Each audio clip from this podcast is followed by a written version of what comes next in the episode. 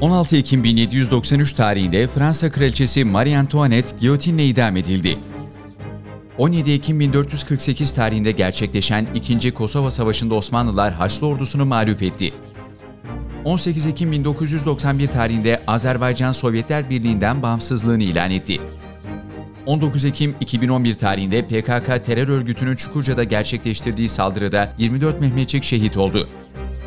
20 Ekim 1827 tarihinde İngiliz, Fransız ve Rus donanmaları tarafından gerçekleştirilen Navarin baskınında Osmanlı donanması yok oldu.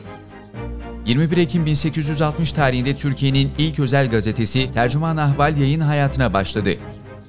22 Ekim 1962 tarihinde Amerika ile Sovyetler Birliği arasında Küba füze krizi başladı.